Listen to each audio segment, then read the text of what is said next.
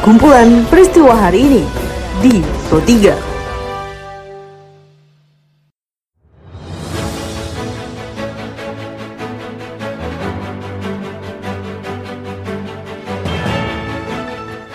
pendengar, saat ini Anda sedang mendengarkan kumpulan peristiwa Pro 3. Pada podcast ini saya akan mengulas terkait isu-isu aktual yang saat ini masih hangat juga ramai diperbincangkan di sekitar kita.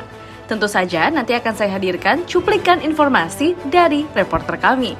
Saya Tika Anantia. Inilah kumpulan peristiwa Pro 3 di ruang dengar Anda.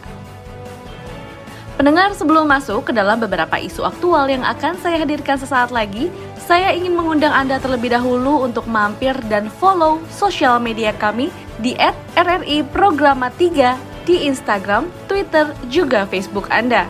Apabila Anda ingin berita yang lebih aktual lagi, Anda bisa mengunjungi laman berita kami di rri.co.id. Baiklah pendengar, inilah kumpulan peristiwa Pro 3 selengkapnya. Pendengar Presiden Joko Widodo mengatakan vaksinasi COVID-19 akan dimulai pada pekan depan.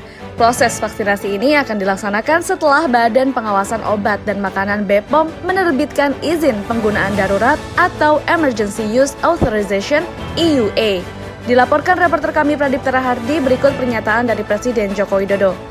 Vaksinnya sudah kita kirim, kita distribusikan ke seluruh provinsi dari Sabang sampai Merauke sudah sampai meskipun baru awal. Nanti kirim lagi, kirim lagi. Terus pertanyaannya vaksinasinya kapan? Kalau ada yang bertanya seperti itu saya jawab minggu depan. Harinya apa? Saya jawab menunggu yang namanya izin penggunaan darurat dari BPOM.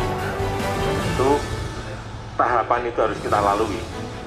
Kalau izin penggunaan darurat itu belum keluar dari BPOM ya kita belum bisa vaksinasi.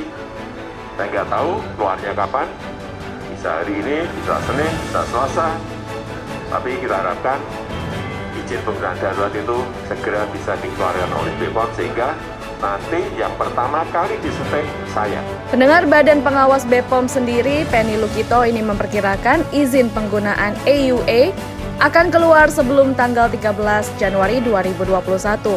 Lalu bagaimanakah dengan Majelis Ulama Indonesia terkait dengan aspek kehalalan vaksin Sinovac ini? Dilaporkan reporter kami Joshua Sihombing berikut pernyataan dari Penny Lukito selengkapnya. Ini adalah keyakinan kami dikaitkan dengan aspek keamanan, mutu tentunya sudah ya, keamanan sudah baik dan juga efikasi yang bertahap dapat kami dapatkan datanya uh, tadi efikasi ya, efikasi itu kan uh, khasiat ya, khasiat yang dikaitkan dengan imunigenisitas, netralisasi, itu sudah kami dapatkan tinggal nanti mendapatkan efikasinya.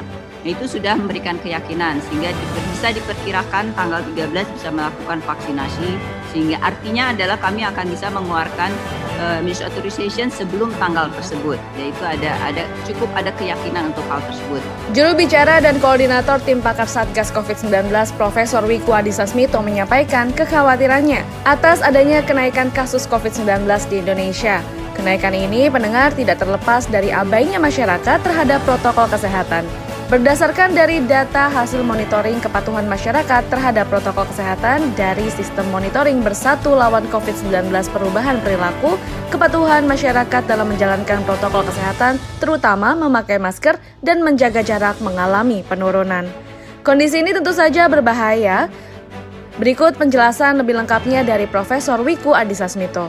Grafik rata-rata kepatuhan menunjukkan sejak minggu ketiga September hingga minggu keempat Desember 2020, persentase kepatuhan memakai masker menurun 28 persen dan persentase kepatuhan menjaga jarak dan menghindari kerumunan menurun 20,6 persen.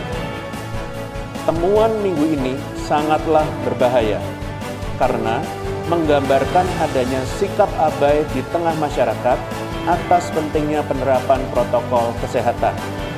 Sikap abai ini tentunya bukan semata-mata kesalahan masyarakat, tapi juga merupakan bagian dari tidak berhasilnya penegakan dan pengawasan protokol kesehatan oleh masing-masing pemerintah daerah. Ingat, apabila penularan kasus semakin meningkat, maka akan semakin banyak angka positif COVID-19. Semakin banyak pula masyarakat yang harus menderita sakit, dan semakin panjang dan berat pula perjuangan para tenaga kesehatan.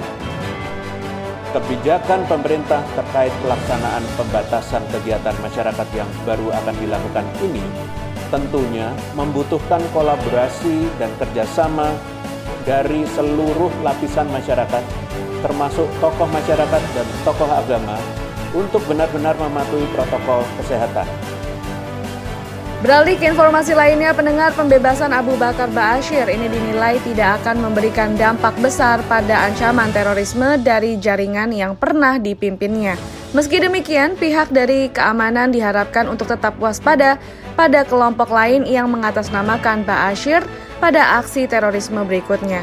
Dilaporkan reporter kami Niar Abdul berikut pernyataan dari kuasa hukum Ba'asyir Ahmad Mikdan. Kemudian Ustadz memang kita minta untuk dalam waktu sementara ini khusus bersama keluarga. Jadi silaturahmi beliau yang terputus kepada keluarga kita minta itu menjadi prioritas. Kemudian baru kepada para tokoh ya yang barangkali tentu juga punya kerinduan untuk bersilaturahmi. Kita jadwalkan sedemikian rupa dengan protokol kesehatan. Baiklah pendengar, informasi tadi sekaligus mengakhiri perjumpaan kita pada podcast edisi hari ini. Anda masih bisa tentunya mendengarkan podcast edisi hari ini di Spotify dengan hanya mengetik Pro 3 RRI di kolom pencarian Anda. Saya Tika Anantia beserta tim editor kami Karisma Rizky undur diri. Sampai jumpa. Jalanan ibu kota DKI Jakarta Kumpulan peristiwa hari ini di Pro 3.